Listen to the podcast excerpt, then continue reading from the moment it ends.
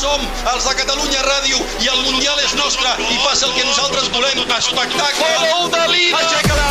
Aixeca-la! Facis Misha, però com corre tu moto! Univers MotoGP. Però que animal és el champion! La champion! Univers MotoGP. Amb Damià Aguilar. Brad Binder se l'ha jugada al que més i ha guanyat, ras i curt, pilotant amb pneumàtics de sec amb la pista molla a les últimes voltes. Aguantar-se dret ha estat miraculós. Ha acabat amb 13 segons sobre Banyaia i 14 sobre Jorge Martín i gran cursa de Marc Márquez, que si no hagués plogut hauria lluitat per la victòria i en pluja hauria pogut pujar al podi però ha caigut. L'estrella del Gran Premi d'Àustria és Brad Binder, primer podi de l'any, que és victòria, i segona victòria a MotoGP. It's uh, really scary. Realment feia por. Quan he vist la pluja he començat a fer càlculs del temps que perdria si em quedava a pista i he decidit jugar-me-la. Uh, I could push quite hard. Aquella primera volta he anat bé, però després, quan els pneumàtics s'han refredat, he perdut adherència i dos revolts després m'he quedat sense frens, perquè els de carboni també s'han refredat. Crec que algú allà dalt m'ha protegit avui, perquè un parell de vegades he pensat que això s'havia acabat. És de bojos guanyar aquesta cursa al circuit de casa de KTM i Red Bull. El sud-africà, que com Marc Márquez té 4 anys de contracte amb la seva marca, en aquest cas KTM. Si vas a la pàgina de l'Univers MotoGP pots recuperar la narració de la cursa o el resum, o les últimes informacions, o els podcasts d'aquest cap de setmana, o podcast anteriors, i també pots anar al blog a revisar informació del cap de setmana. Univers MotoGP. Aviam, la lluita era de 6, Banyaia, Márquez, Fabio, Martín, Mir i Binder. Durant la cursa hi ha hagut algun moment amb alguna gota, però res d'importància. Sobtava veure el tro de Cervera aguantant allà en sec, volta rere volta. Ara t'explicaré per què. A 6 voltes es posa a ploure i tots, excepte Binder, entren a canviar de moto a falta de 4. Aleix Espargaró ha arribat a estar en podi provisional, també Valentino Rossi, que tampoc no han canviat, però els que remuntaven amb pneumàtic d'aigua han arribat pels pèls però han arribat. Banyaia segon, Martín tercer, Mir quart, Fabio setè i Márquez quinzè perquè ha caigut en aquesta darrera transició, però ha pogut creuar la meta. Una situació en què els que remuntaven estaven secs quan a la seva posició i al final s'ho han anat trobant. Martín era així de gràfic sobre el final de cursa. La verdad que parecía Mario Kart con todos los adelantamientos, parecía que nos iban tirando platanitos ¿no? por la pista. Y nada, muy contento, la verdad. Ha sido una carrera difícil para mí. Cuando Mark ha entrado he pensado en quedarme en pista. Seguramente, pues mira, probablemente me habría caído. Eh, puede que hubiese ganado, pero al final he preferido parar. Eh, pero bueno, eh, pensaba que estaba peleando por la victoria y cuando he pasado por meta estaba el 11.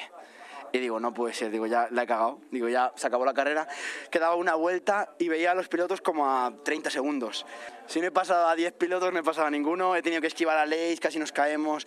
El mateix, el campió Joan Mir. He disfrutado, he disfrutado, sí, he disfrutado al final porque me ha salido bien, porque si al final hubiéramos, eh, es que cuando estábamos ahí entrando a tres vueltas del final, yo dentro de mí estaba diciendo, pero ¿qué estamos haciendo a tres vueltas?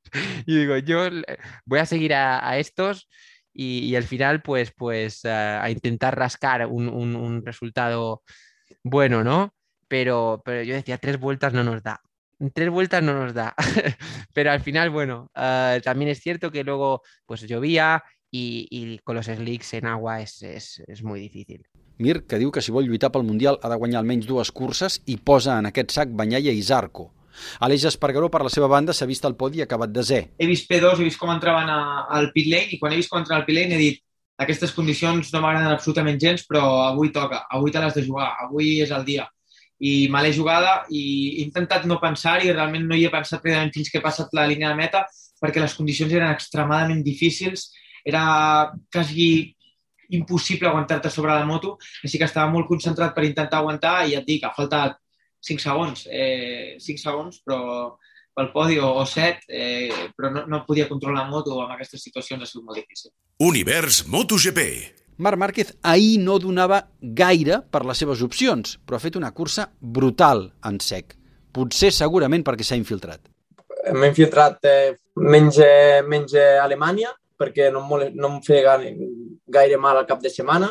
El cap de setmana passat tampoc em vaig infiltrar, però aquest sí que ho he necessitat. O sigui, no, no és la primera vegada. Potser durant diria que tres o quatre grans premis sí que m'he infiltrat. Després, l'atzar l'ha portat a terra quan tenia l'opció de pujar al podi. Recordes el que deia el podcast 32? ell ara mateix no té res a perdre. D'aquí a final de, de temporada veurem si jo físicament continuo evolucionant, si, si també el, la moto continua evolucionant, perquè aquí hem provat moltes coses, però encara ens falta donar un, un, pas més, eh, un pas més endavant. Cada cop estem més a prop, o almenys tinc aquesta sensació, i això és el, el, més, el més important. A la general del Mundial, Fabio té 47 punts més que Banyaia i Mir, 49 més que Zarco, que avui ha caigut. Vinyales és el millor entre els catalans i cau a la setena posició. Creuem els dits perquè pugui ser a Silverstone.